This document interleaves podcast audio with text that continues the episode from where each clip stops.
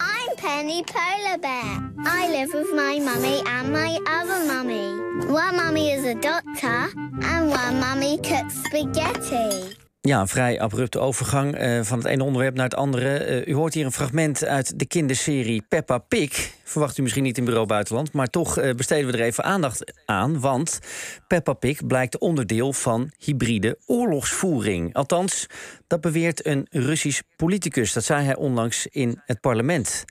En dat roept natuurlijk de nodige vragen op. En die ga ik voorleggen aan journalist en Ruslandkenner Helga Salamon. Helga, goedemiddag. Goeiedag. Ja, dat moet je even uitleggen. Waarom duikt Peppa Pig ineens op in de Russische politiek? Ja, in het absurdistan van Poetin kan alles. Hè. In Peppa Pig, we hoorden er net, is een nieuw ijsbeertje, Polar Bear, en die heeft twee moeders.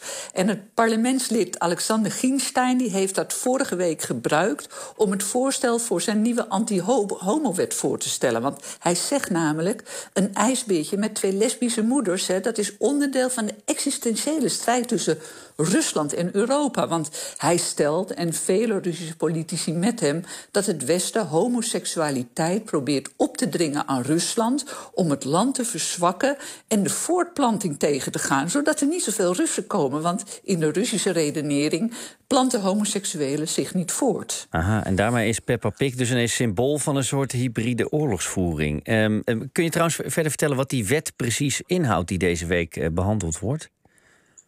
Ja, het is zo. Er is al een anti-homo-wet, die is aangenomen in 2013. En eigenlijk is dit voorstel vooral bedoeld om de populariteit van Poetin op te krikken, die natuurlijk leidt onder de oorlog. Maar die wet die kwam erop neer dat minderjarige kinderen niet mochten worden blootgesteld aan enige uiting van homoseksualiteit.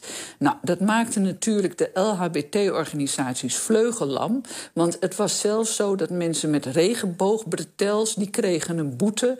En er waren pakken van een melkmerk, de vrolijke melkboer, ironisch genoeg genoemd. En er stond een regenboog op die pakken en die pakken werden uit de handel genomen.